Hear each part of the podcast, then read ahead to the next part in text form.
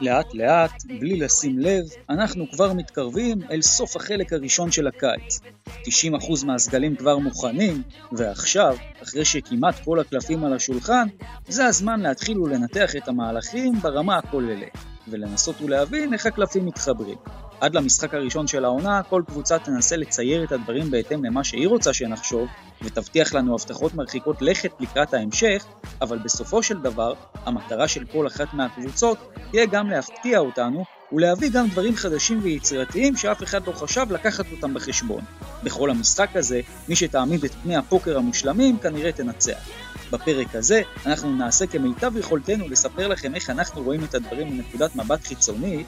אנחנו במפה פרק 49, אנחנו מתחילים.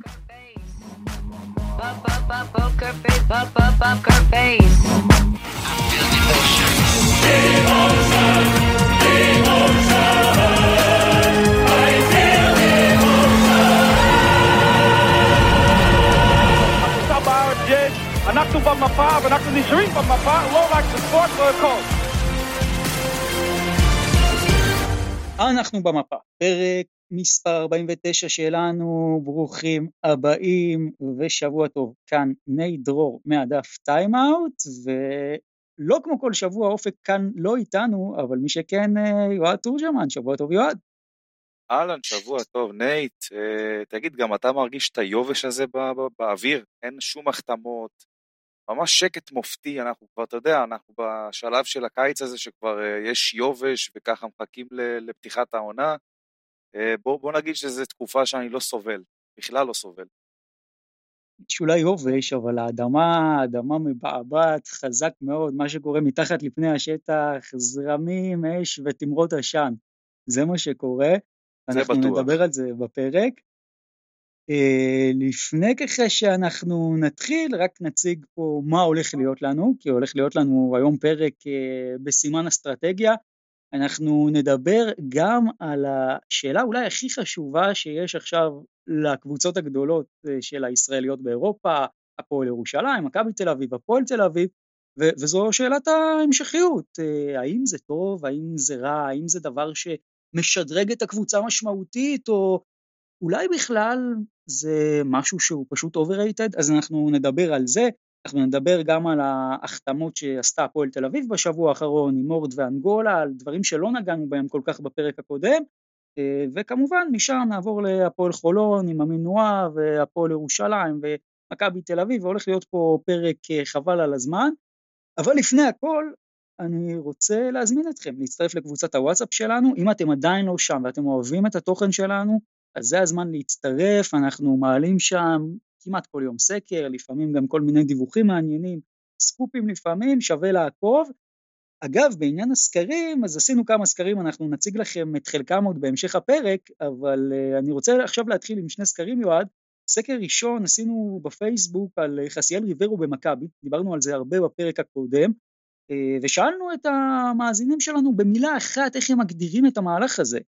אז 12 אחוז בלבד, יש לציין, אומרים לנו שזה היה מהלך מעולה של מכבי תל אביב להביא את ריברו, 55 אחוז שזה הרוב אומרים שהמהלך הזה הוא גבולי כזה, 33 אחוז, שליש מהקהל יועד אומר שזו טעות. זה הסקר על ריברו, ועוד סקר שעשינו בוואטסאפ, זה מה היחס של בעצם המאזינים שלנו לקבוצות אה, ישראליות שמשחקות באירופה אבל שהם לא אוהדים שלהם. נגיד אוהד מכבי תל אביב מה הוא רוצה שיקרה כשהפועל ירושלים, הפועל תל אביב, הפועל חולון משחקת באירופה, אז uh, להלן התוצאות. 36% אומרים לנו לא משנה מה, אנחנו רוצים שהקבוצה הישראלית תנצח, גם אם אנחנו לא אוהדים שלה. 10% אומרים לנו שהם רוצים שהקבוצה הישראלית תפסיד, לא משנה מה קורה. 54% הם אומרים רגע חכו, חכו זה תלוי בקבוצה, אם אני למשל אוהד הפועל תל אביב, לא בא לי שמכבי תל אביב תנצח, או אולי שהפועל ירושלים תנצח, ואם אני אוהד מכבי תל אביב, אז לא בא לי ששתי האדומות אה, יחגגו לי באירופה. אז זה מה שאומר הרוב, מעניין אותי מה אתה אומר על זה. מה שאני אומר זה ש... קח עכשיו דוגמה, נגיד אתה מוציא את מכבי תל אביב מהמשוואה, אתה חושב שהסקרים היו שונים? אה, כן, אני חושב שהסקרים היו שונים בהרבה. מה זה שונים? שונים ברמת הקיצון. מכבי תל אביב זאת הקבוצה הכי שנואה בארץ. זה, זה מעניין, אבל אתה יודע, זה כאילו, מרגיש שזה אולי קצת שייך לעבר האחווה הזאת של כל הליגה נגד מכבי, אתה חושב שזה עדיין קיים באופן אה, עדיין, חזק ברור, כמו פעם? ברור שזה, תשמע, כנראה שזה, אתה יודע, בגילאים צעירים יותר, כי אחרי הכל, ככל שאתה מתבגר, אתה פחות שם לב לכל הדברים האלה, וזה פחות אכפת לך באמת. למרות שעדיין יש כאלה שממשיכים בשלהם, אבל אתה יודע, בסוף הסקרים האלה לא אמורים להפתיע אף אחד, זה היה די ברור. כן, ואני חייב לומר לך בנימה אישית, שמבחינתי באמת שכל הקבוצות הישראליות אה, יצליחו באירופה, אנחנו אולי קצת משוחדים, כי זה גם הפודקאסט שלנו, אבל אה, אני באמת... אני גם, דרך אגב, אני גם. אני עכשיו הולך אה, עשר שנים אחורה. אני באמת אומר לך שיכול להיות שבראש שלי הייתי נגד כל קבוצה ישראלית באירופה, בין אם זה הפועל תל אביב או הפועל ירושלים. היום אני מסתכל על הפועל תל אביב באירופה, על הפועל ירושלים, וואלה, אני לא כזה לחוץ שהם יפסידו. זאת אומרת, אני לא אזיל דמעה אם הם יפסידו, כן, אבל uh, אני לא אשב ובאמת יעודד את היריבה שלהם ברמה כל כך קיצונית, ואם הם ינצחו, אני גם אפרגן. אהבתי, זו הגדרה של אה, לא תזיל דמעות. כן, תראה, בסופו של דבר, אה, כן, אחרי חושב... הכל אתה יודע, אני, אני כן. מכביסט, אין מה לעשות. כן, אבל אתה יודע, בסוף אני חושב, זה גם תהליך שקורה, אני חושב, לרוב הקהל הישראלי, זה מעניין ושווה לעקוב אחריו, אנחנו עוד נמשיך וניגע בו במהלך העונה, אבל מפה בואו נעבור אה, לכותרות, אז מה הכותרת שלך לשבוע הזה? Uh, הכותרת שלי היא גיא פניני, שהולך לפרוש היום, יש מסיבת עיתונאים, שעה ארבע, uh, הולך להודיע על פרישה אחרי קריירה באמת אחת המפוארות שנראו בכדורסל הישראלי. ואני רואה את כל השטיקים מסביב, על כמה שהוא היה שחקן מלוכלך, והתקרית עם שולדנברנד. אמ, אני חושב שביום כזה צריך לשים את זה בצד, כי אני אקח אותך בחזרה לתקרית עם שולדנברנד, בסדר, זה היה, זה נגמר, הוא עשה טעות, התנצל עליה, נענש גם בחומרה. אה, עוד כל מיני, אנחנו זוכרים את כל הפרובוקציות ואת כל הדברים שהוא היה עושה בתור שחקן, אני חושב שביום כזה צריך לשים את כל זה בצד, ובאמת לעשות כבוד לאחד השחקנים הישראלים הכי גדולים ששיחקו פה. אה, זכייה ביורוליג, אליפויות בערימות, אה, סלי מאני טיים במעמדים הכי גדולים שאתה רק יכול לבקש, כבוד ענק לגיא פניני, לא משנה איפה הוא שיחק, באמת, אחד הגדולים שהיו פה. והשחקן ששיחק הכי הרבה משחקים בליגת העל, גם זה. גם זה. זה שחקן שפרץ לתודעה בזכות איזו שלשה מטורפת אה, של אה, רעננה מול חיפה, זה היה לפני 20 שנה. כן, מחצי מגרש, כן. כן, אז אה, בהחלט, ללא ספק, לגיא פניני הייתה קריירה מהטובות שהיו לשחקנים ישראלים, בטח פה בליגה. ובמעבר אחד, הכותרת שלי היא הקיץ של מחלקות המדיה. כי לאט לאט הן הופכות לסיפור של הקיץ, אה, אני לא זוכר, אתה יודע, בעונות קודמות, וולקאמים כל כך יצירתיים, כל כך הרבה השקעות בסרטונים, באמת, בכל מיני גם טיזינגים שהם עושים, ואני חושב שאת השיא של כולם שברה מחלקת המדיה של הפועל תל אביב, שמה שהיא עשתה זה לא פייר, היא השתמשה נגדנו בנשק לא קונבנציונלי, אה, להעלות סרטון אה, של אה, בעצם מתוך, אתה יודע, הסדרה של מרקו על הלב, זה לא פייר, כי אני חושב שכל מי שהיה, אתה יודע, ילד בתחילת שנות האלפיים, מזדהה איתי, זה פשוט מעביר ישר צמרמורת, ואתה יודע, אני שואל מה השלב הבא, מה, להעלות משהו מהמומינים, אולי אפצ'י וסיפור, אני לא יודע, אבל כל מי שגדל על החינוכית, אני בטוח שזה עשה לו צמרמורת, אבל באמת מחלקות המדיה עושות פה דברים מאוד מאוד יפים בקיץ הזה, והן הופכות להיות אחד מהסיפורים הגדולים של הקיץ הזה, ובאמת כל הכבוד לכולם, גם uh, הפועל תל אביב, ומכבי, והפועל ירושלים, ונס ציונה גם, uh, באמת, הרצליה, עושים דברים מאוד מאוד יפים. זו הכותרת שלי, הקיץ של מחלקות המדיה, ומפה אני רוצה לקחת אותך לעוד דבר שהרבה מאוד עושים, או יותר נכון אה, שלוש הגדולות של הכדורסל הישראלי, וזה המשכיות. עכשיו אני חייב לומר לך משהו, יש פה פסטיבל המשכיות, אה, באמת, האנשים לקחו את זה, אתה רואה אוהדים מתבטאים ברשתות על המשכיות, אה, כאילו זה, זה קמפיין בחירות, אתה יודע, אנשים מתחילים לך ממש כמו בסיסמאות של המשכיות, זה טוב לביטחון, המשכיות, בשביל המסורת, אתה, אתה מרגיש כאילו אתה ממש באיזה, ממש באיזה קמפיין, תקשיב, זה נהיה מטורף, אתה, אתה הולך לסופרמרקט, אתה נכנס, הולך ישר למעדניה, אומר לבן אדם, פרוס לי 500 גרם של המשכיות ושתהיה כמה שיותר, אחרי זה הולך לשימורים, מתחיל להסתכל, ספידי סמית, אור קורנליוס, ג'וש ניבו, לא, לא הולך לשום דבר אחר, רק המשכיות, זה מה שהקבוצות פה עושות, ואתה יודע, השאלה בסופו של דבר, האם באמת יש ערך מוסף כל כך כל כך גדול להמשכיות? זאת שאלה מאוד מעניינת. עכשיו בוא רגע, כשאנחנו מדברים על המשכיות, בוא, בוא נשים רגע את המספרים על השולחן. אז מלכת ההמשכיות, במפתיע, אם אנחנו הולכים רק על הנתונים היבשים, כבר נדבר על באמת ממלכת ההמשכיות, אבל אם נתחיל מהנתונים היבשים, אז זאת הפועל תל אביב. כי הפועל תל אביב משאירה שבעה שחקנים בסגל שהולך להיות של אה, כרגע עשרה או אחד עשר שחקנים מרכזיים אני מדבר, ובסופו של דבר גם באופן יחסי עשתה הכי הרבה המשכיות העונה מהישראליות, אחרי זה מכבי תל אביב היא משאירה שמונה שחקנים, אבל זה כבר מתוך סגל של כנראה הולך להיות 12 אה, או 13 אה, שחקנים בעונה הקרובה. הפועל ירושלים זה דווקא מפתיע, אה, מסתבר שההמשכיות של הפועל ירושלים היא לא כל כך גדולה, הפועל ירושלים משאירה רק שישה שחקנים, אם אנחנו רגע מוציאים את דוברת, ואנחנו הולכים פה על השחקנים המרכזיים מהעונה האחרונה ששיחקו, מתוך 11-12 שחקנים אה, פוטנציאליים לעונה הקרובה, אם אתה מסתכל אגב על הפועל ירושלים, לא מעט עזבו, אה, ברנדון בראון ונועם יעקב וגלעד לוי וטי.ג'י קליין ואיתי שגב וסינסן דרוונה ומרקס מיארי, זה שבעה שחקנים שעזבו, אז אולי רובם לא מרכזיים, אבל זה קודם כל על הנייר, כבר נדבר באמת ממלכת ההמשכיות האמיתית, אה, אולי שחקנים מרכזיים קצת יותר יעזרו לנו, אבל אני, לפני שאנחנו בכלל מדברים על זה, רוצה לשאול אותך, לגבי ההמשכיות, איך אתה רואה את זה? זה משהו שהוא ממש טוב, זה משהו שהוא סביר, זה משהו שהוא בכלל לא משנה? מה דעתך? זה טוב מאוד, אבל תלוי מה הסיטואציה, וכמה שנים אתה רץ באמת כל ה... עם הבסיס הזה. כי אתה רואה קבוצות כמו הנדולו שלא ידעו לפרק את החבילה בזמן, ואתה רואה קבוצה נגיד כמו מכבי תל אביב של העונה, שפתאום בעונה אחת הכל התחבר לה, והיא רוצה באמת להמשיך עם זה כמה שאפשר. אז באמת אני חושב שזה די תלוי בסיטואציה, אה, ובאיזה קבוצה מדובר, והאם בכלל היא הגיעה להישגים או שלא. מה הקווים המנחים, נגיד מבחינתך, שאתה אומר, בגדול, עזוב רגע את הישראליות באירופה, פה צריך לעשות המשכיות. אני חושב שזה לפי העונה פחות או יותר. אתה צריך להסתכל על, על העונה האחרונה ש, ש, שעשית, לראות מה, לאן הגעת, מה, מה היו נקודות התורפה שלך, אה, ושם באמת לחזק.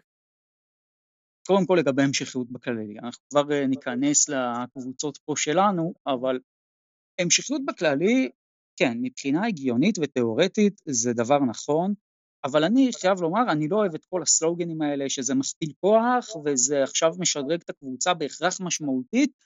זה כן, אני... זה כן. למה זה כן? כמו שאמרתי, זה תלוי מה הסיטואציה. לא, אבל אם אתה הולך, אתה טוען שהמשכיות משדרגת משמעותית בהכרח את הקבוצה? כן, חד משמעית. הרי שחקנים למה? ששיחקו ביחד למה, עונה... מה, מה ההבדל? שחקנים ששיחקו ביחד עונה שעברה, והיו צריכים את הזמן שלהם להתחבר, באים לעונה שנייה שהם כבר די מסונכרנים אוטומטית. אבל אתה יודע, יועד, בסוף אה, אה, הענף הזה הוא, הוא להתחבר תוך כדי תנועה, כאילו, אני חושב אנחנו קצת עושים פה יותר מדי הנחות לקבוצות חדשות, כאילו, מה זאת אומרת? יש, בשביל מה יש הכנה? בשביל מה יש פרה-סיזן? זה שאולי נהיה פה נוהל שכאילו אפשר בשנה ראשונה לעשות הכל ולהיכשל בהכל, אה, אני מדבר מבחינה תודעתית, ואז אנחנו נקבל את הכל, אולי זה לא נכון, כי בסוף אני מסתכל על הרבה מאוד קבוצות שהצליחו, הם הצליחו הרבה פעמים בעונה הראשונה, עוד מעט ניגע בזה, אבל בסוף למה בעצם אנחנו מחשיבים את העונה הראשונה למשהו שהוא בוסר, ובעונה השנייה פתאום יהיה שינוי מהותי. אם דברים מסוימים לא עבדו בעונה הראשונה, מאוד יכול להיות שהם גם בעונה השנייה לא יעבדו, ואם דברים מסוימים כן עובדים במהלך העונה הראשונה כבר, אז בסופו של דבר, כן, יש פה הרבה מאוד היגיון להמשכיות, אבל מי מבטיח לנו שעכשיו זה יהיה יותר טוב? אתה יודע, קבוצה זה כמו, יש עוד, כמו גלים. יש עוד הרבה דברים שצריך להסתכל עליהם, גם זה, זה חדר הלבשה בריא, זה חבר'ה עם אופי נוח וטוב, אה, זה חברים טובים אה, לקבוצה, וזה גם אלמנטים שמאמנים וקבוצות אה, מסתכלים עליהם, אתה לא יכול להתעלם מזה. ואנחנו יודעים שיש את זה גם במכבי תל אביב של העונה שעברה, וגם בהפועל ירושלים של העונה שעברה, ובעוד קבוצות אה, רבות שעשו המשכיות אה, בשנים עברו, אה, ואני חושב שככה זה אמור להיות. וקבוצה שעושה עונה טובה, אחרי שהיא באמת עשתה ריבילד, אם נקרא לזה ככה, והיא באמת רואה דברים טובים שהקבוצה הזאת יכולה לעשות, אז למה לא להשאיר את רוב השחקנים ממנה? אז בוא, אני אגיד לך ככה, מבחינה תיאורטית, את האמת, אני מאוד מסכים עם הטיעונים, כלומר מבחינה תיאורטית באמת יש פה הרבה מאוד היגיון, אבל כשאני מסתכל על ההיסטוריה, בטח של, אתה יודע, הקבוצות הישראליות באירופה, פשוט המציאות מוכיחה אחרת, וזה נתון מאוד מאוד חשוב, כי אני חושב שאם גם מי שמקשיב לנו עכשיו באמת ילך ויקח את זה כפרויקט וילך ויבדוק כמעט בכל מפעל, בכל מסגרת, אני לא בטוח שהוא יראה הבדלים מהותיים. בדרך כלל, אגב, ההמשכיות היא מאוד חזקה אחרי שנה אחת, כלומר, אם באמת עשית שנה מוצלחת ועדיין יש איזה טעם של עוד, הרבה פעמים אם תשאיר את הסגל ותעשה כמה שדרוגים, מאוד יכול להיות שהעונה השנייה תהיה הרבה יותר טובה, זה גם, אני חושב, מוכח היסטורית, אבל למשל, בואו ניקח את העונה האחרונה, אה, קרה דבר מאוד מעניין, הפועל ירושלים, מכבי תל אביב, גם הפועל תל אביב במובן מסוים, הם לא עשו המשכיות, הם עשו בנייה מחדש, הם ממש החליפו את הכל, ומאוד מאוד הצליחו. עכשיו, הקבוצות שכן עשו המשכיות, שכאילו הצליחו בעונה הקודמת, שזה הרצליה, שזה גליל עליון, שגם הפועל חולון כמובן, הם קבוצות שנכשלו בשנה הזאת, אז זה, זה רק פול... מהשנה האחרונה. עכשיו, אתה יכול גם ללכת, אתה יודע, קצת יותר אחורה, נגיד הפועל ירושלים ומכבי תל אביב, נגיד 2021 הייתה סוג של המשכיות ל-2020, אבל פה יש נגיד נסיבות אה, מקלות, אז אתה יודע, גם 2019, גם 19-20 הייתה המשכיות ל-18-19 אצל הפועל ירושלים ומכבי תל אביב, ודווקא ההמשכיות הזאת עבדה ביג טיים ב-19-20, אבל נגיד הפועל ירושלים ב-2016 עשתה המשכיות מסוימת, עשתה המשכיות פחות או יותר כמו העונה הזאת, לא הצליחה להביא את השדרוג שהיא רצתה. גם אגב אותה הפועל ירושלים ב-2018 עשתה פחות או יותר המשכיות, למרות שאפשר להתווכח עם, עם מאמן או בלי מאמן, כאילו אם זה נחשב, אבל שוב, הייתה שם התרסקות טוטאלית, אני לא חושב שהם ראו את זה, אבל אני מזכיר לך, 17-18 בהפועל ירושלים, היו עידודים ש, שהטריו נשאר. אתה יודע, אפילו מכבי של השושלת, אה, עשתה איזו המשכיות ב-2004-2005, וזו באמת הייתה העונה שנייה יותר טובה, אבל הנה, בעונה השלישית שהיא עשתה המשכיות, אה, היא כבר התחילו חריקות, פתאום מסיימים 9-5 שלב בתים ראשון, ו- ומול אולימפיאקוס שחורציאניטיס עושה לך צרות ועובר בשיניים, ואתה יודע, בסוף אה, מפסידים את הגמר לצסקה, בסוף, בסוף, בסוף מבחינה היסטורית, קשה לי להגיד שההמשכיות היא אכן כמו שמציירים אותה, פשוט במבחן התוצאה. תראה, קודם כל, אתה דיברת מקודם על חולון, איזה המשכיות היא בדיוק עשתה בעונה שעברה? כי עובדתית היא איבדה כמעט את כל הקו האחורי שלה, אדם סמית עזב, אה, טיירוס מגי עזב, ורק, ורק ג'ו רגן נשאר, מייקל קייזר עזב, וגם הקו הקדמי הוחלף, רפי מנפו הישראלי המוביל שלה עזב, אז אתה יודע, לגבי חולון זה לא בדיוק המשכיות, כי היא כן שינתה פה איזשהו קונספט, וגם, אתה יודע, הבאת דוגמאות שיכול להיות שבראייה לאחור לא היו צריכים לעשות את זה מכל מיני סיבות. יכול להיות מבחינת חוסר התאמה, יכול להיות שבעונה שרצו לעשות המשכיות, הקבוצה באמת לא עשתה עונה טובה. וזה סתם היה נראה ככה שכן, נגיד אתה, אתה סתם דיברת על הפועל ירושלים של 2015. חוץ מהאליפות, לאן היא הגיעה? לא, הפועל ירושלים של 2015, בחלק של 2015 היא כמעט לא הפסידה. זאת הייתה חצי שנה שהיא לא הפסידה. מדובר בקבוצה שלא עברה שלב ביורו-קאפ. אתה מבין את זה? אבל, אבל פה, פה דווקא, אתה יודע מה, פה היו אולי, אתה יכול להגיד, באמת חבלי לידה של קבוצה יחסית חדשה. אבל אחרי זה היא התייצבה, היא התייצבה מאוד.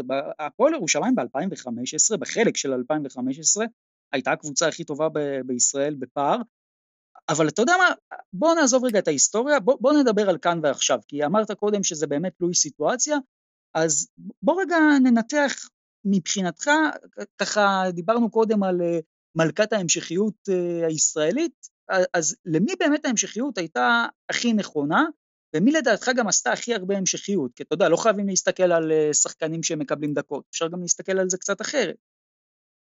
תראה, אני חושב שמכבי תל אביב זאת הקבוצה שאפשר להגיד שמרה על המשכיות, כי אני מסתכל על זה בזווית קצת שונה, כמו שאמרתי מקודם. אני מסתכל על החמישייה, על החמישייה המובילה מהעונה שעברה, ואני לא מדבר איתך על תחילת העונה, אני מדבר איתך מהרגע שמכבי תל אביב התחילה את הריצה עד סיום העונה.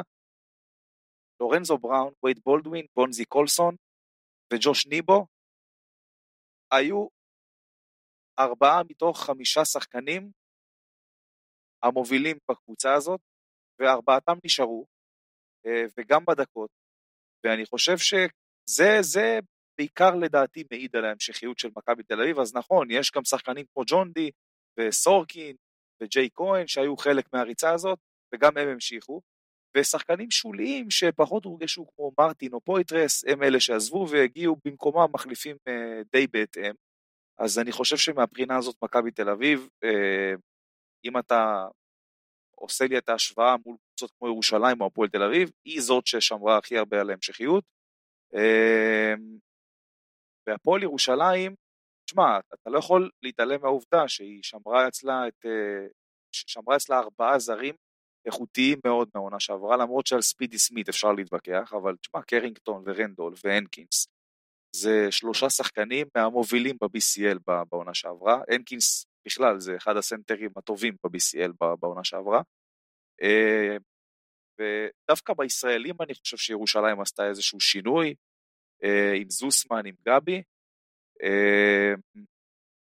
וככה פחות או יותר אני רואה את זה. הפועל תל אביב, מבחירה, כמו שזה נראה כרגע, בחרה לא להמשיך עם ההמשכיות, אה, וקצת שינתה דברים, למרות שבקו האחורי זה אפילו נשאר די דומה לעונה שעברה עם בראון ועם מנפורד.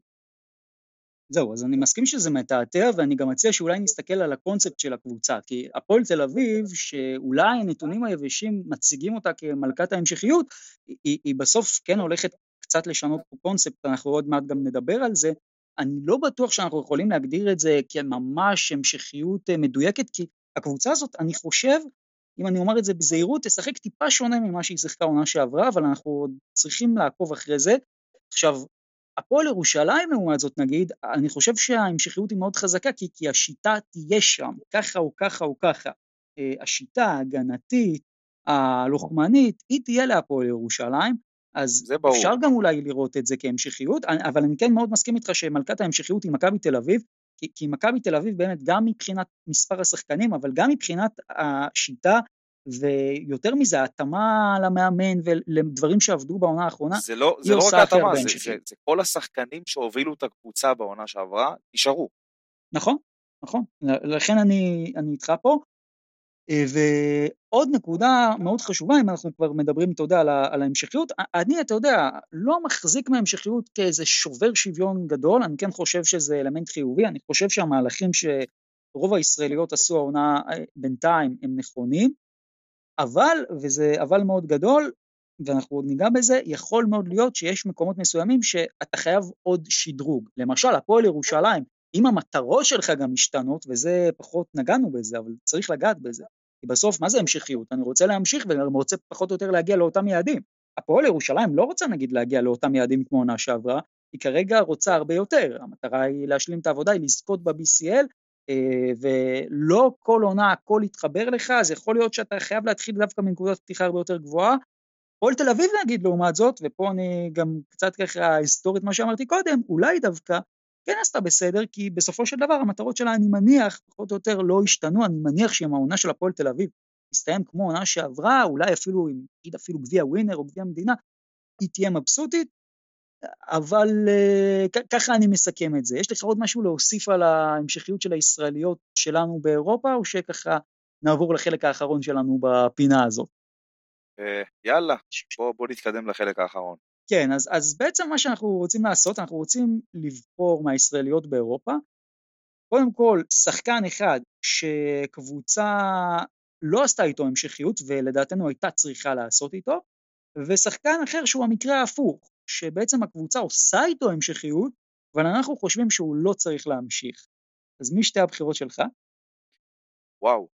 אה, קודם כל אני אלך על הדעה, אני חושב, הפופולרית, ג'רל מרטין, מכבי תל אביב לדעתי הייתה צריכה להשאיר אותו, השוק דליל מאוד בשחקנים מהסוג הזה, שחקן פיזי, אחרי שנת אה, מבחן באירופה, אה, שהוא עשה אותה בצורה סולידית מאוד, אה, והיה סבבה לפרקים. מכבי טעתה ששחררה אותו אני חושב, כי הוא היה יכול לתרום לה הרבה מאוד בעונה הבאה. אה, וספידי סמית, אני זוכר, בתחילת הקיץ טענתי שהפועל ירושלים צריכה להשאיר אותו, אה, אבל עכשיו אני די מתחרט על זה, ואני גם אסביר למה. כי אני לא חשבתי שבריינטון למר יהיה הגארד שיגיע, אני חשבתי שיגיע גארד בסדר גודל הרבה יותר בכיר מבריינטון למר, אה, וסוג של יסיט את ספידי סמית לעמדת ה backup point guard, וזה ככל הנראה לא הולך לקרות, ואפשר, אתה יודע, לראות די בבירור שבריינטון למר זה פשוט על תקן הברנדון בראון של העונה שעברה. אז אני חושב שכאן הפועל ירושלים אה, די טעתה אה, שהשאירה את ספידי סמית, אה, כי אני חשבתי באמת שיגיע גארד בממדים אחרים לגמרי. אז מי כמוך יודע שאני מאוד מסכים איתך על ספידי סמית, אני דווקא לא מסכים איתך על מרטין, אני חושב שהמהלך של להחליף את מרטין בווב זה אולי המהלך המנצח בינתיים של מכבי תל אביב בקיץ, אבל... לא, אני חלילה לא אמרתי, אני חלילה לא אמרתי שווב לא היה צריך להגיע. אני טענתי שמרטין היה צריך להישאר בנוסף לווב. אוקיי, מעניין, אני עדיין לא חושב ככה, אבל אה, מה שכן, אני רוצה במקרה שלי לומר שהקבוצה שהייתה צריכה להמשיך עם שחקן ולא עשתה את זה, זאת בני הרצליה עם יאיר קרביץ, שתראה, הסיפור של קרביץ בהרצליה הוא מאוד מעניין, כי נכון שבעונה האחרונה מבחינה סטטיסטית בהמון מדדים הייתה לו ירידה מ-2022, שאז גם הרצליה הייתה בעונה טובה הרבה יותר. אבל לי מרגיש שקרביץ לקח בעונה האחרונה יותר מנהיגות ונהפך קצת אולי גם לשחקן שיש עליו יותר אחריות, ובהרבה מאוד רגעים הוא כן היה שם וכן היה טוב, ואני חושב שהוא שחקן שהיה יכול עוד להתפתח בהרצליה, לדעתי קצת חבל, קצת חבל שזה לא, לא ממשיך, אה, לשני הצדדים, דרך אגב. שחקן שאני חושב שעשו איתו המשכיות ולא היה צריך, זה סי.ג'י אריס בהפועל חולון, ופה צריך להגיד, לשחקן יש חוזה, כלומר, זה לא בטוח שהייתה פה לחולון בחירה, אבל אני חושב שכן לחולון, ממה שהבנתי, הייתה את הדילמה הזאת של האם אה, כמובן לעמוד בחוזה, חס וחלילה לא להפר אותו, אבל אולי כן להשיל אה, את, אה, את אריס ולצאת קצת מופסדת אה, כספית, או לצורך העניין להגיע לאיזה הסדר אה, עם השחקן. היא לא עשתה את זה, ולפי מה שאני יודע לא ניסתה ללכת בכיוון, ולדעתי זו טעות, כי אריס, אני לא בטוח שהוא יצליח להתחבר לקבוצה הנוכחית, והוא סיים את העונה האחרונה ממש בצורה לא טובה. אז זה לדעתי בעניין הזה. אוקיי, נעבור uh, מפה אז להפועל תל אביב, שבעצם בלעדיה כמעט אתה מדבר על יובש, אז אני לא, לא רוצה לחשוב מה היה קורה אם הפועל תל אביב לא הייתה מחתימה שני שחקנים, כי בכלל לא היה קורה פה שום דבר כמעט בשבוע האחרון, חוץ מנוער בחולון, אבל uh, קודם כל ג'יילן אורד, אורד uh, ממשיך, אני חושב מגיעים לנו גם תמלוגים מהפרק הקודם, כי אנחנו אה, די דחפנו את אורד להפועל תל אביב, אז הנה זה קורה. אגב, שאלנו בקבוצת הוואטסאפ שלנו את המאזינים מה דעתם על ההמשכיות הזאת, אז 24% אומרים לנו שזה מעולה, 63% שזה הרוב אומרים לנו שזה מהלך סביר של הפועל תל אביב, מה שנקרא לא עפו, 13% אומרים לנו שהם חושבים שזו טעות של הפועל תל אביב, הרוב אה, ככה די אה, באמצע. דיברנו עליו בעיקר בפרק הקודם, אבל יש משהו שאתה רוצה להוסיף בעניין הזה של ההמשכיות של אורד והפועל תל אביב, בנוסף למה שאמרנו פרק קודם? אה, כן, יש אה, משהו שאני רוצה להגיד.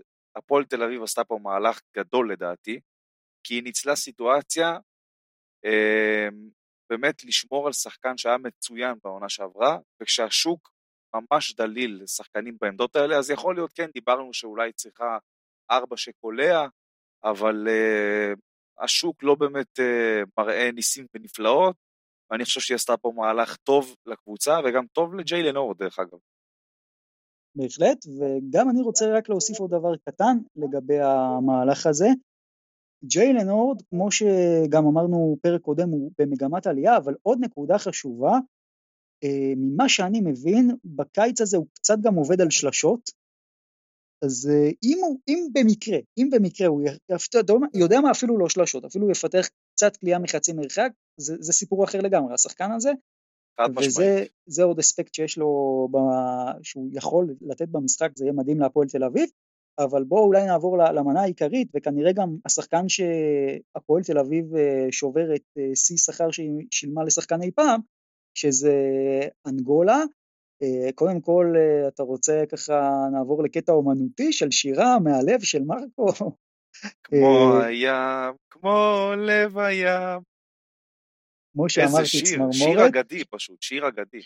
שיר אגדי, אתה יודע, גם זה, זה היה עם עקיצה מאוד מאוד ברורה לצד השני של הכביש למכבי תל אביב, אפילו בקטע קצת מוגזם, אה, כי, כי באמת נכנסו פה לתוך הקרביים של אה, האמת, למה אנגולה לא. האמת שאותי זה הצחיק. אתה לוקח את זה ברוח ספורטיבי. אתה אומר, ברור, זה לא... מה? אבל אתה לא חושב שזה אולי טיפה גם, לא יודע, חצה את הגבול? כי, כי באיזשהו מקום לא. זה אולי קצת לא... לא, באמת, איזה סיבה יש לי לכעוס בגלל זה, או אתה יודע... לא, לא, לא כלפי מכבי, כלפי, אתה יודע, העניין הבריאותי של השחקן, בסוף, שוב, צריך גם להעביר מה, מהבחינה שלפחות מה שהצד של אנגולה טוען, שכמובן אין פה שום עניין בריאותי וזה נטו עניין אה, ביטוחי, זו כנראה גם המציאות, אבל אתה יודע, בכל זאת, יש דברים שאולי פחות אה, עדיף לא, לשים לא אותם בפרונט. לא נראה לי שהכוונה פה זה לפגוע ב, ב, בקטע הבריאותי של אנגולה, אלא יותר לעקוץ את מכבי, אתה יודע, אנחנו מכירים את הפועל. כן, טוב, אני גם אה, אקח את זה ברוח טובה, אבל בואו נעבור רגע לקטע המקצועי. כי בסוף אנחנו לא יכולים להתעלם מזה שאנגולה, כנראה, אתה יודע, אתה מסכים איתי שהוא במקום ג'ורדן מקריי פחות או יותר, זה שינוי קונספט, אבל זה, זה פחות או יותר החילוף, נכון? אנחנו מסכימים על הדבר הזה? זה, זה המחליף של מקריי, חד משמעית. יפה, אז אנחנו עשינו סקר אה, בשבוע האחרון בקבוצה שלנו, לגבי שני דברים, אנגולה מול מקריי, ראש בראש, שאלה ראשונה, מי שחקן טוב יותר מבחינת איכות שחקן, לא משנה איזה קבוצה, איפה ומה, ושאלה שנייה, בעניין ההתאמה להפועל תל אביב. עכשיו, 50 אחוזים אומרים לנו שמקריי טוב מאנגולה וגם יותר מתאים להפועל תל אביב, 30 אחוז אמרו לנו שמקריי טוב מאנגולה אבל אנגולה יותר מתאים להפועל תל אביב, 12 אחוז אומרים אנגולה יותר טוב ממקריי וגם יותר מתאים להפועל תל אביב, ו-8 אחוזים זה התוצאות של הסקר, אומרים שאנגולה יותר טוב אבל מקרה יותר מתאים. עכשיו קורה פה משהו מעניין, אם אנחנו הולכים על הקרב ראש בראש של האיכות שחקן, 80 אחוזים אומרים מקרי טוב יותר, 20 אחוזים בלבד אומרים אנגולה טוב יותר. כלומר יש פה פער ענק לטובת מקרי. עכשיו בעניין ההתאמה לקבוצה זה קצת מצטמצם אבל עדיין למקרי יש רוב. 58 אחוז אומרים מקרי טוב יותר, 42 אחוז אומרים אנגולה אה, מתאים יותר בעצם להפועל תל אביב, אבל עדיין הרוב פה היא מקרי, אז באופן סמוי הקהל אולי אומר לנו שהחילוף הזה הוא לא כזה טוב, מה אתה אומר? מקרי שחקן הרבה יותר מוכשר מאנגולה. אני חושב שעל זה כמעט אף בן אדם לא, לא אה, אה, יחלוק עלינו, אה, אבל מבחינת ההתאמה להפועל תל אביב, תראה, חייב להגיד שבריין אנגולה הוא קודם כל שחקן הרבה יותר נוח לחדר הלבשה ממקרי, אה, וגם מבחינה מקצועית הוא הרבה יותר מגוון. אנחנו יודעים שמקרי זה לא playmaker, הוא לא יכול אה, למלות את החלל בעמדה אחת כמו שאנגולה יכול לעשות.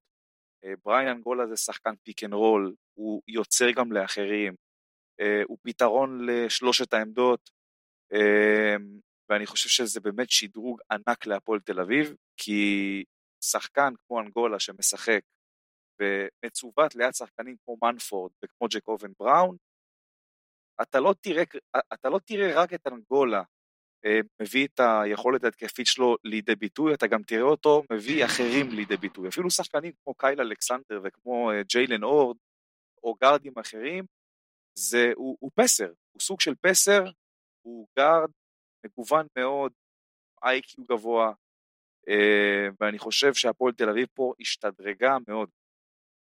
יש לי שאלה שמבחינתי אולי כן מכריעה את הסיפור. אתה חושב, גם ממה שראית בעונה האחרונה את אנגולה בקרשיאקה, שאנגולה יכול לתפקד טוב גם בעמדת הרכז? ברור, מה השאלה? הוא גארד פורוורד, זו שאלה, הוא מדובר, בכל זאת, אתה יודע, הוא לא רק מדובר, מדובר בבול אנדלר לכל דבר. זה נגיד, אתה יודע מה, זה יתרון שיש לו על מקריי, כי מקריי הוא לא, הוא לא רכז בשום ברור. צורה למשל. מקריי, מקריי לא מוביל כדור, מקריי סקורר. סקורר זה, זה ו- באמת, אני חושב, הדבר העיקרי שבו הפועל תל אביב השתדרגה. אז, אז אני איתך, תראה, בסוף, את האמת, אם זה היה תלוי בי והי- והיו שואלים אותי, אה, מקריי או אנגולה, מי אני חושב יותר טוב ומה יותר יעזור להפועל תל אביב, הייתי הולך עם מקריי, אבל בוא, אנחנו גם יודעים שיש פה עניינים קצת שמעבר, עם פרנקו כנראה, אה, לכאורה אולי גם אה, דברים שלא עבדו יותר מדי טוב בעונה האחרונה מבחינת סנכרון, וזה הרגיש לפעמים שכל אחד שם קצת מושך לכיוון שלו, אז כמו שאמרתי פרק קודם, הם רוצים להיות קבוצה אולי קצת יותר מיושבת, אז אולי בוא, זה בלתי בוא. נמנע, כן, בוא, בוא אני אעשה את זה קצר, תראה. ג'ורדן מקריי, שחקן יותר טוב מבריין אנגולה, אם מתאים יותר להפועל תל אביב, בריין אנגולה. אוקיי, אני, אני יכול אה, לקבל את הטענה. עכשיו, אה, בעניין של הרכזים, אז נגענו, אנגולה אתה אומר יכול להיות, אבל עדיין, זה אם אתה יודע, אז נכון, גם בר יכול, ואולי גיל, למה מרגיש לי יועד שהפועל תל אביב צריכה עוד ישראלי שיכול להוביל כדור? היא צריכה עוד אחד כזה. כי אנחנו יודעים שגיל בני, עם כל הכבוד, ויש כבוד, לא מספיק לדעתי, אה, ובר תימור זה לא בדיוק הפורטה שלו, אה, היא צריכה אחד כזה, אבל אני לא חושב שהיא תעשה את זה. כי אני חושב שכן יסמכו על בר תימור בקטע הזה, ואם הפועל ירושלים, סליחה, אם הפועל תל אביב תביא עוד ישראלי, הוא יהיה עמדת השוטינג, עמדת השוטינג כזה, קצת נוטה לשמאל פורוורד, מישהו בסגנון של פרדי בורדיון כזה, בין פרדי בורדיון לאדם אריאל, מישהו ב- ב- בסגנון הזה. לא, אמרת הפועל ירושלים בטעות, אבל זה לא, זה לא כזה מופרך, כי, כי זה חצי הפועל ירושלים מה שהולך שם. אה, אבל אתה יודע מה, אם כבר הפועל ירושלים, אז, אז זאת אה, הזדמנות טובה גם לעבור קצת להפועל ירושלים, כי, כי גם, אתה יודע, אמרנו הפועל תל אביב, מרגיש לי שהיא צריכה להביא עוד איזה פרדי בורדיון, כמו שאתה אומר, אני מאוד מסכים אגב לגבי השחקן עצמו. גם הפועל ירושלים, תשמע, הפועל ירושלים במצב הרבה יותר קשה, כי הפועל ירושלים, היא בסופו של דבר, כרגע אתה מסתכל על הקו האחורי, אז אין עכשיו נועם יעקב, ואין עכשיו ברנדון בראון, ונשאר אין שם לה שום, בדיוק, אין לה שום סמית. ישראלי. נכון, ו- וגם למר, יועד, גם למר, בוא, למר יותר מתאים לשחק לצד הרכז, נכון שהוא יכול כמו. אנגולה לשחק כרכז, אבל למר הרבה יותר טוב אה, לצד הרכז, ו- ובעצם להפועל. ירושלים יש רכז וחצי לפני אירופה, מה קורה בליגה? שאלה מאוד טובה. אני חושב שאיתי מושקוביץ באמת דפק להפועל ירושלים חתיכת ברזייה, כי הוא השאיר אותה יחסית קרחת. כי בליגה זאת בעיה. בליגה זאת בעיה, בריינטון למר זה לא playmaker, אה, ואפשר להגיד שכרגע ה playmaker האמיתי היחיד שיש להפועל ירושלים בסגל זה ספידי סמית. אז מה עושים? כלומר, איזה רכז ישראלי יש בשוק שאתה חושב עכשיו יכול לעזור להפועל ירושלים? אני, אתה יודע מה, אני אפילו אתן לך שמות, נגיד עודד ברנדווין, אה, שוב, אני זורק את מי שפנוי לכאורה כרגע, כן? פרדי בורדיון, זה, זה פרדי בורדיון, פרדי זה לא playmaker, אבל אתה יודע, אפילו שחקן כמו עודד ברנדווין, בלית ברירה באמת, אני חושב שהפועל ירושלים אה, צריכה לשקול לקחת אותו ב- ביחס ל- למה שיש בשוק. כי השוק באמת כמעט ואין בו כלום. אין שום רכז ישראלי.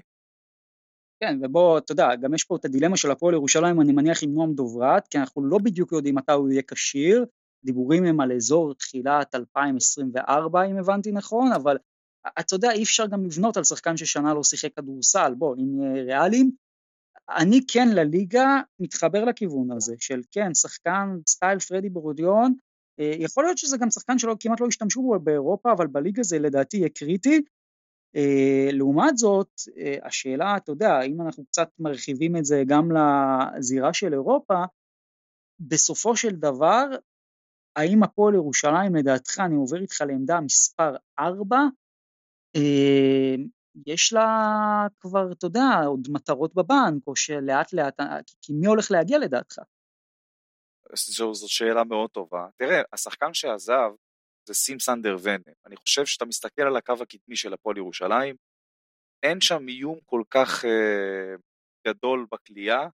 אה, זאק הנקינס לא קלעי, גבי לא קלעי, קריס ג'ונסון, הוא כן זורק מהפינות, אבל אתה יודע, זה, זה, זה לא זה, ויש כאן להפועל ירושלים בעיה.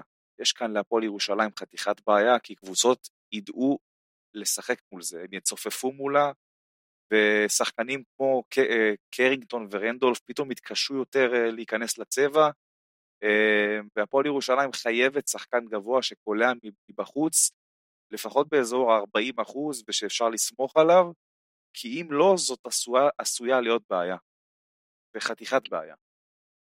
כן, ואגב בעניין הזה חשוב לזכור, הפועל ירושלים כן משחק מישהו שאני כמובן חושב שהפועל ירושלים צריכה זר בעמדה 4 ברמה הכי גבוהה שיש, גם ברמה של שובר שוויון, אבל לפני שאני אגיע לזה, יש שחקן שקוראים לו עוז בלייזר, שמאוד יכול להיות שדווקא בעונה הקרובה הוא כן יעשה עוד קפיצת מדרגה, כי הוא היה באיזה נסיגה בעונה האחרונה, גם עבר uh, פציעות לא, לא כאלה פשוטות, אבל בסוף, מה יועד, עוז בלייזר כן שווה דקות משמעותיות ב-BCL, לא? אני חושב שכן. דרך אגב, אני חושב שבסיטואציה הנוכחית שקיימת, עוז בלייזר יבלה הרבה מאוד בעמדה 4, כי כמו שאמרתי מקודם, הפועל ירושלים תהיה חייבת את הריווח. חייבת. ברור, לי... אגב, הוא, הוא השחקן היחיד ת... שנשאר בארבע. נכון, מ... והוא גם בין היחידים שאתה יודע, הוא כליאה. נכון, נכון, זה עכשיו, שוב... אני חייב להוסיף רגע משהו בקשר לסוגיית הרכז ש... שדיברנו עליה קודם. אולי אתה לא תאהב לשמוע את זה, כן? אבל לפחות לפי איך שאני רואה את זה, בזירת הליגה כרגע, אתה תראה הרבה מאוד דקות את זוסמן מוביל כדור. האמת, חשבתי על זה, אבל בוא, זוסמן הוא לא יכול, כאילו, כלומר, מה, מה יקרה במצב של לחץ על הכדור על זוסמן? זאת בעיה, אני מסכים איתך במאה אחוז, זאת בעיה רצינית, זוסמן לא מוביל כדור וגם אף פעם לא יהיה כזה. בהתחלה, כן. אתה יודע, ציפו שהוא כן ישדרג את האספקט הזה, אבל עזוב, זה, זה כבר לא יקרה. זה, זה קצת יותר קשה, גם אין לו, נגיד, אתה יודע, את האתלטיות שיש נגיד לשון דאוסון, שאתה יודע, הוא יכול אה, בפתלתלות מסוימת לעשות כל מיני מובים מול שומרים, אבל דווקא בנושא של זוסמן אני מאוד אופטימי בהפועל ירושלים, אני חושב אה, שזוסמן, אמרתי את זה כבר, הוא, הוא, הוא יהיה בעונה טובה לדעתי, אה, כרגע אתה יודע, זה הערכה נטו, אבל אני דווקא מהעניין הזה מבסוט.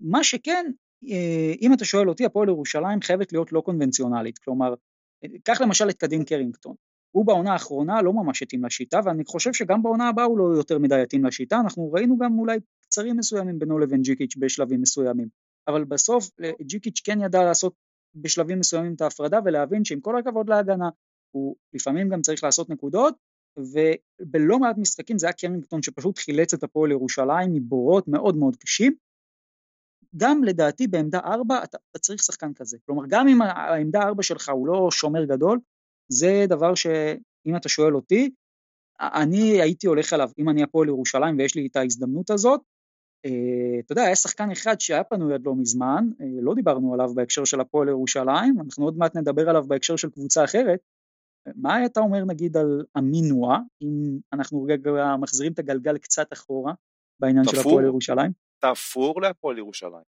מה, מה השאלה פה בדיוק? בול. אוקיי, אז, אז אולי הפועל ירושלים פספסה אותו, מי שלא פספסה אותו, ככה במעבר אחד, זו הפועל חולון, שאותי מאוד הפתיע, כלומר זה לא שחקן בפרופיל הזה שציפיתי שיגיע לחולון, בכלל חולון אני חושב עשתה לנו תרגיל מאוד יפה, אה, היה פה איזה מצג שהקבוצה בקשיים כלכליים, ואתה יודע, אולי אפילו היא הולכת למקומות ממש לא טובים מול אה, בקרה תקציבית ודברים כאלה, אנחנו כנראה מבינים שהיא כן, אתה יודע, לא בסיטואציה מזהירה, היא כנראה גם כן תיקח את המתווה של הארבעה זרים, ואז אולי היא גם תקבל את, ה, את הכסף, שמדובר פה על כמעט שניים וחצי מיליון שקלים, אבל בסוף הפועל חולון, תקשיב, זה שחקן ב-level יורוליג. חד משמעית, אין, אין שום ספק פה. והפועל חולון, תשמע, אני חושב שהיא עושה נכון, שהיא הולכת על הקונספט של הארבעה זרים, כי עם המענק שהם יקבלו הם יוכלו להביא זר חמישי אה, איכותי, איכותי, שיוכל לשדרג את הקבוצה באירופה, למרות שהיא תהיה רק עם חמישה זרים באירופה, אבל הזר הזה באמת יוכל אה, לשדרג אותה. אה, בליגה, אנחנו ראינו גם את הפועל חולון מחתימה, אתה יודע, שורה של החתמות של ישראלים, של הארכות חוזים, דוסון, חנוכי, ארצי, אה, משגב שהיה לו חוזה, אה, ווואלה, תשמע, הפועל חולון הולכת להיות קבוצה מאוד מעניינת עונה הבאה. גם כשאתה מסתכל על עמד קייבר, זה לדעתי, הוא יהיה אחד השחקנים הטובים בליגה. וואו, כל חולון מאוד מאוד מעניינת. עוד נקודה מעניינת, אם אנחנו הולכים על חולון, קודם כל נועה, זה שחקן שגם מבחינת הניסיון שלו הוא לא, הוא לא מבוגר, כן, הוא בן 26 אם אני לא טועה, אבל יש לו המון ניסיון ברמות, אתה יודע, של היורוליג, אז הוא מביא המון המון אינטנסיביות, ולאט לאט אם אתה שם לב, חולון זה הופכת להיות איזה, לא יודע, אולי טלקומבון ישראלית כזאת, כי היא בנויה על המון guard פורוורדים כאלה, גם אה, ארצי וגם אה, שון דאוסון וגם יותם חנוכי, ו- וגם נועה הוא, הוא כמובן לא גארד, אתה יודע, הוא, אנחנו מחשיבים אותו כנראה לעמדה ארבע, אבל בסופו של דבר יש לו, אתה יודע, את האלמנט של הקליעה, שהוא קלע כן. באופן סביר ברמות הגבוהות. זה הולך להיות מעניין? כן, מאוד מעניין, ואמינו, אתה יודע, בליגת העל מדובר ב stretch four קלאסי. ואגב, מבחינה הגנתית, וזה קצת אולי מפתיע בהקשר של הפועל חולון, מבחינה הגנתית, להפועל חולון כרגע לדעתי, יש שלד הגנתי מאוד מאוד טוב, גם ג'סטין סמית הוא שחקן שלפי ה scouting לפחות, יש לו יכולות הגנה נחמדות מאוד, אז יכול להיות שאנחנו נראה את הפועל חולון קצת שונה ממה שהיינו רגילים, כלומר לא עוד קבוצה שאתה יודע, אה, מתחרה עם היריבה על מי מגיע ראשונה למאה נקודות, אלא אולי דווקא קבוצה הרבה יותר אה, לוחמת ומרביצה. אתה יודע, ש... אתה יודע מה השינוי העיקרי שאני חושב שאנחנו נראה מהפועל חולון של העונה הבאה? שהיא לא תהיה תלויה בשחקן אחד. נכון. זה, נכון זאת נכון. הבשורה שה, שהפועל חולון צריכה לקחת. כי, לא, כי התלות הזאת שהייתה ברגלנד בעונה שעברה, ובזאת שלפניה כבר לא תהיה. הפועל חולון תהיה קבוצה גדולה, שלמה, אה, שבנויה טוב, בנויה מאוזן, ויהיה מאוד מאוד מעניין לראות אותה. דרך אגב, לגבי סמית, זה שחקן שהתחיל כפורוורד 3-4 כזה ועשה הסבה ל-5 בג'י ליג, וגם הוא יהיה מאוד מעניין לראות אותו ומה הפועל חולון, אה, לאיזה עמדה הפועל חולון אה, הולכת לכוון אותו. כי ב-BCL אני לא בטוח שהוא יוכל אה, לתפקד כסנטר מול שחקנים סתם כמו זאק הנקינס למשל, אפילו פה בליגה, מול, מהבחינה של המצ'אפ מול זאק הנקינס או מול רומן סורקין או חסיאל ריברו או ניבו, יהיה לו מאוד קשה, אבל יהיה מאוד מעניין לראות אה, מה הפועל חולון תעשה בגזרה שלו, ולפי ההחתמה שלו, מי יהיה הזר החמישי בהפועל חולון, אם יהיה כזה. ואני חושב שיהיה כזה. אתה חושב שיהיה כזה? כי אני חושב אני לא שיהיה לא כזה, כי אין ברירה. תשמע, העמדה חמש שלהם ריקה. זהו, אז זה, זה בדיוק הנקודה גם שרציתי להגיע אליה, כי אתה יודע, אנחנו משבחים פה את הפועל חולון, המהלכים באמת, קייבר זה, זה שחקן אה, מצוין, ונועה, ואתה יודע מה, גם אה, ג'סטין סמית, אה, למרות שזה, אה, אתה יודע, הוא לא שיחק אף פעם באירופה, אבל יכול להיות שיש פה פוטנציאל, אבל עדיין, בחולון אין סנטר. עכשיו, גם אם אתה שם את ג'סטין סמית בעמדה חמש, מי מחליף אותו? כלומר, מה הם מצפים, ש, שנתנאל ארצי יהיה בעמדה חמש? אני לא חושב, כאילו, אתה יודע, אולי במצ'אפים מאוד מסוימים, זה, אני לא, לא הייתי בונה על זה. יותם חנוכי יכול קצת להביא כמה דקות בליגה ככה, אתה יודע. אני, אני לא, זה, זה מאוד יומרני לדעתי, למרות שאני אוהב כדורסל לא קונבנציונלי, אבל זה מאוד מאוד יומרני. אה, היה צריך, צריך פה עוד גבוה ישראלי, אתה יודע, סטייל, אפילו ניב בלול, משהו ש, שיכול לתת דקות בליגה, אה, למלא, אתה יודע, רק לתת אוויר אפילו. ו... יכול להיות שזה עוד יקרה. יכול להיות, אבל ב- בליגת האלופות אני, אני מסכים איתך שהם צריכים עוד זר גבוה must, אחרת הם בבעיה מאוד רצינית ופשוט יחגגו עליהם בריבאונד בטח, אתה יודע מה, אולי לא בריבאונד, כי יש להם דווקא ריבאונדרים טובים, אבל כן יחגגו עליהם מתחת לסלים, בטח בהתקפה של היריבה. אבל השאלה אם יש כסף, השאלה אם יש כסף, פה זו שאלה מאוד גדולה. אם חולון תצליח להביא עוד צנטר, זה יהיה מצוין. אגב, מה, מה הייתה הבעיה לדעתי באריס? לדעתי חולון הייתה צריכה בשתיים שחקן על הג'ייסי קארול כזה. אתה יודע, שחקן שפשוט מקבל כדור ויורה. ועושה את זה באחוזים גבוהים, כי אם לחולון היה את הדבר הזה, אני חושב שהיא הייתה קבוצה מאוד מאוד מסוכנת, גם בליגה וגם באירופה, אבל בסך הכל, אמ, אני חושב, אוהדי הפועל חולון, בינתיים יחס לציפיות, יכולים להיות מרוצים, לא? אה, כן, מרוצים מאוד, אתה יודע, כן, חד משמעית. אז אם כבר ציפיות, אה, בואו, אתה יודע, נעבור לקבוצה אחרת, שגם שם יש uh, הרבה ציפיות, אבל אני לא יודע אם האוהדים מרוצים או לא, מכבי תל אביב. Uh, אני חייב שתסביר לי את הקטע הזה, כלומר, היה פה רועי גלדסטון בפרק הקודם, אירחנו אותו, אמר לנו דברים שאתה יודע, ידענו אותם uh, בעבר נגיד לגבי התקציב, אבל לא היינו בטוחים שהמצב ככה הולך להימשך, והוא אישר לנו את זה. תקציב 9 עד 11 ביורוליג. אז תסביר לי למה אוהדי מכבי תל אביב, ואני מסתכל, אתה יודע, ברשתות, אה, המון uh, טורים של דעות קהל וכאלה, למה אוהדי מכבי תל אביב בטוחים שהקבוצה השנה, אם היא, לא יודע מה, לא עושה את השדרוג לפיינל פור, זה, זה, זה, זה כישלון. כאילו, אתה גם מסתכל על קבוצות אחרות באירופה, מסתכל על תקציבים, מסתכל על החתמות, תסביר לי את הרציונל. זה הדבר שהכי פחדתי ממנו, ואני גם אסביר לך מיד מה. העונה שעברה, מכבי תל אביב סיימה, סיימה מקום חמישי, אני מכיר את אוהדי מכבי. הם יבואו לעונה הבאה בגישה של פחות ממקום חמישי, זאת אכזבה, כישלון, אה, ירדו על הקבוצה, על הבעלים, על מי שאתה רוצה, ואתה יודע, נראה לי שיותר מדי התרגלו לטוב אחרי העונה שעברה, אה, וזאת חתיכת בעיה אמורה להיות, כי אוהדי מכבי הם אה, כאלה שאתה יודע, קוטלים מהר. ועוד, אה, אתה יודע, אם אנחנו מסתכלים רגע על מכבי בכנות, אם אני עכשיו קורא טוקבקים של אוהדי מכבי, או אתה יודע מה, אפילו אנחנו מכירים הרי את האנשים והכל, קוראים פוסטים ודברים, התחושה היא שמכבי תל אביב עשתה קיץ קטסטרופה, איום ונורא, שלא יודע מה, היא החתימה את המנקי פרקט שיעלו לשחק, אבל בסוף, יואב, תקן אותי אם אני טועה, אפילו יש פה אולי איזה שדרוג מסוים מהעונה הקודמת, לא? מבחינת איכות השחקנים. אני איתך פה, אני חושב שמכבי, עם כל ההחתמות הלא נוצצות, השתדרגה מהעונה שעברה, אבל תראה, אני חושב שהכעס של אוהדי מכבי זה פחות על מה שמכבי עשתה הקיץ. זה יותר על מה שקבוצות אחרות עשו בקיץ. אם לדוגמה פנתנאיקוס לא הייתה עושה את מה שהיא עושה, את מה שהיא עשתה, אה, אם הנדולו פתאום לא הייתה עושה קצת אה, איזשהו רענון כזה וגם uh, מתחילה להריח כמו קבוצת כדורסל טובה, אז אני חושב שאתה יודע, עדיין דברים היו נלקחים בפרופורציה. אני חושב שאוהדי מכבי יותר חוששים מההתחזקות של היריבות יותר מאשר מה שמכבי עשתה הקיץ.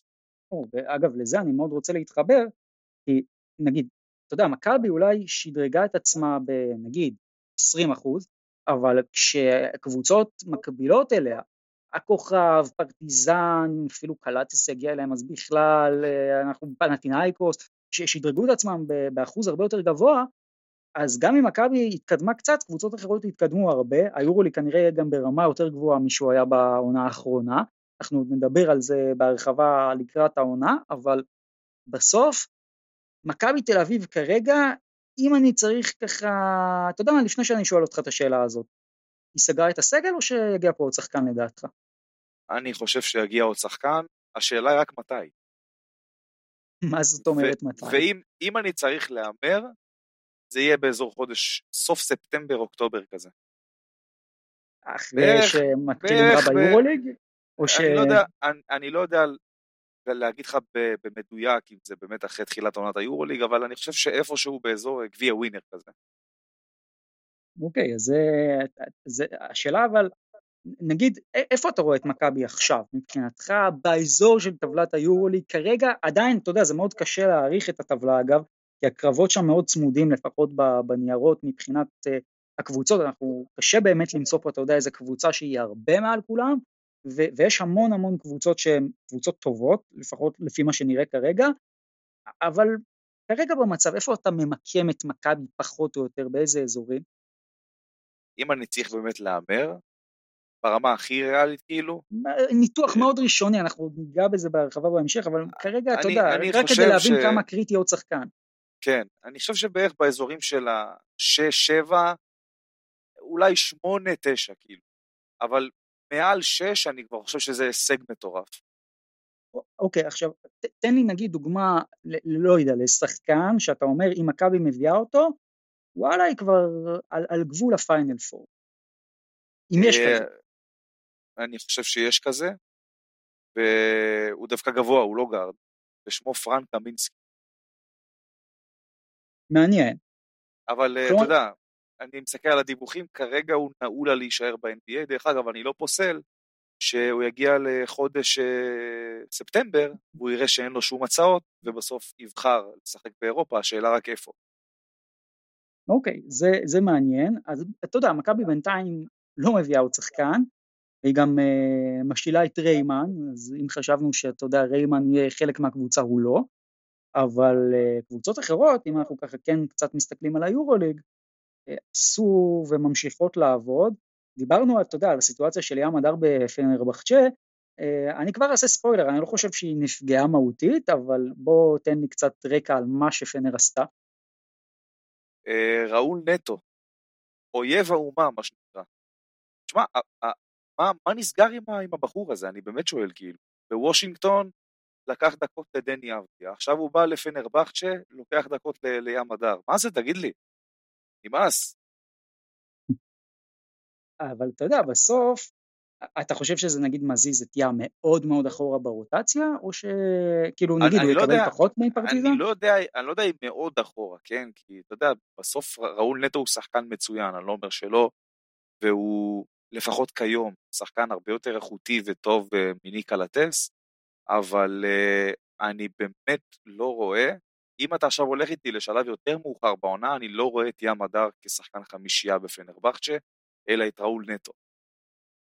לא, אני, אני גם חושב שכרגע הוא לא יהיה, אבל אני כן יכול לראות סיטואציה, אני חושב שהכדור עדיין בידיים של מדר, כלומר אם ים הדר ייקח את ההזדמנות בשתי ידיים ויהיה טוב בדקות שלו, כמו שהוא היה בפרטיזן ואף יותר בעונה הקרובה בעצם, אני חושב שאיטודיס כן התבסס עליו כשחקן מרכזי מאוד, הרבה יותר ממה שז'ליקו התבסס אני, עליו. אני...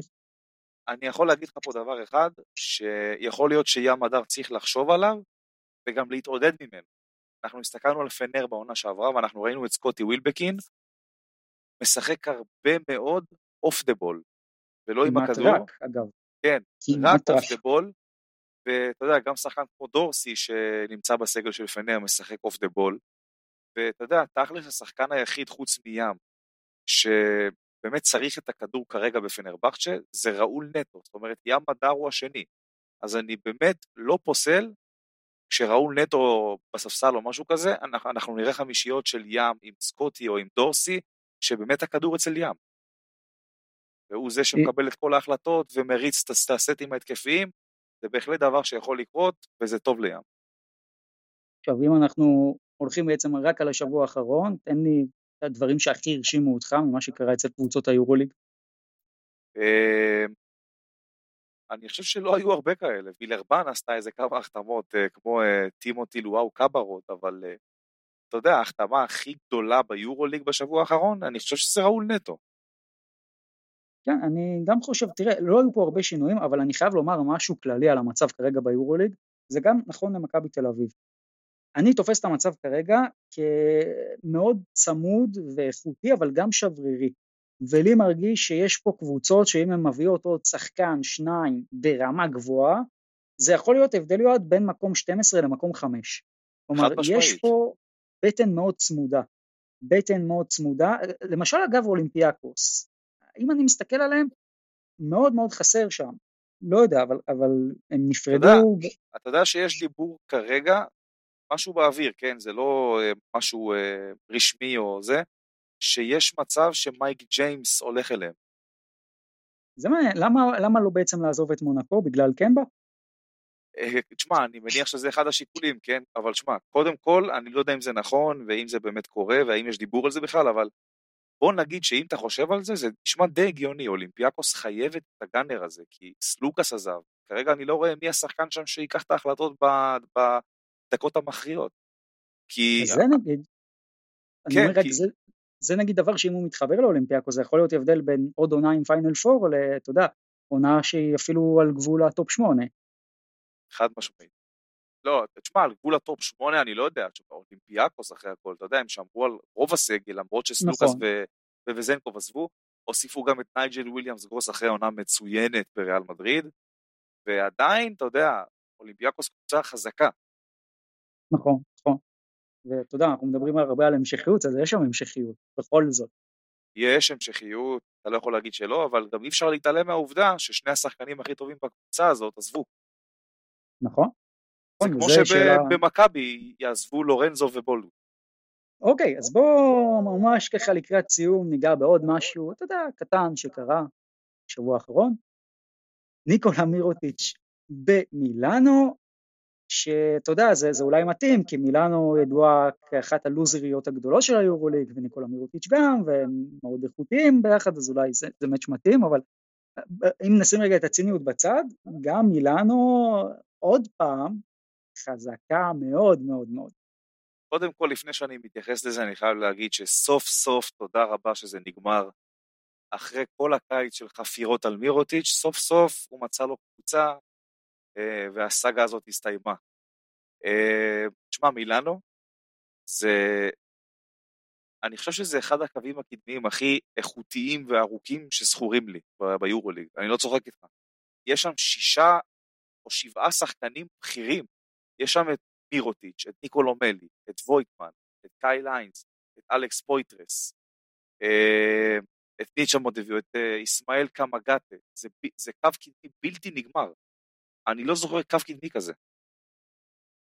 כן, אתה יודע, בסוף אם אנחנו רגע עושים zoom out ומתעלמים מהכל, אז ניקולה מירוטיץ' למילאנו, תקן אותי אם אני טועה, זה, זה גם מתאים מבחינת סט האיכויות שלו, ומה שמילאנו הייתה צריכה, uh, כי, כי בכל זאת נגיד אם אתה מסתכל על ניקולו מלי, הוא אולי כן טיפה מתנגש, אבל נגיד אני לא יודע אם ניקולו מלי יכול להיות דומיננטי uh, ומגוון, כמו, כמו מירוטיץ', והם פשוט לא הולכים להוריד את הרגל מהגז בעמדה הזאת, בעמדה מספר 4 לפחות. ברור. אגב, אני חושב שהם לא צריכים את ניקולו מלי כל כך אה, אה, משמעותי בקבוצה. כשיש את מירוטיץ' אני לא רואה סיבה כזאת. כן, אבל, אבל אני רוצה דווקא להגיד לך, אם אני מילאנו אני משאיר אותו, כי, כי זה שחקן שאתה רוצה אותו אצלך. לא, מלי אה, נשאר. כן, כן, אני אבל אומר, אני גם לא שוקל, אתה יודע, להעזיב אותו, גם אם הוא לא יקבל דקות, כמובן זה תלוי בשחקן, אבל זה, זה תמיד השחקן שיבוא, אתה יודע, למהלכי, למהלכי הירו כאלה. וככה אני חושב, מלי ניקולו, לפחות. ניקולו מלי יפרוש במילאן, הכל בסדר. אוקיי, אז uh, אני חושב שבהזדמנות הזאת uh, גם אנחנו נפרוש מהפרק הזה. אה, תראה, שבוע הבא אנחנו פרק 50, שאנחנו כמובן נהיה פה בחזרה עם אופק. פרק היובל. גם, כן, פרק היובל. נעשה פה משהו מיוחד, אנחנו גם נעדכן אתכם בהמשך השבוע, אז תתכוננו. ועד אז אנחנו נאחל לכם המשך שבוע מעולה, ותהנו. שבוע מצוין חברים.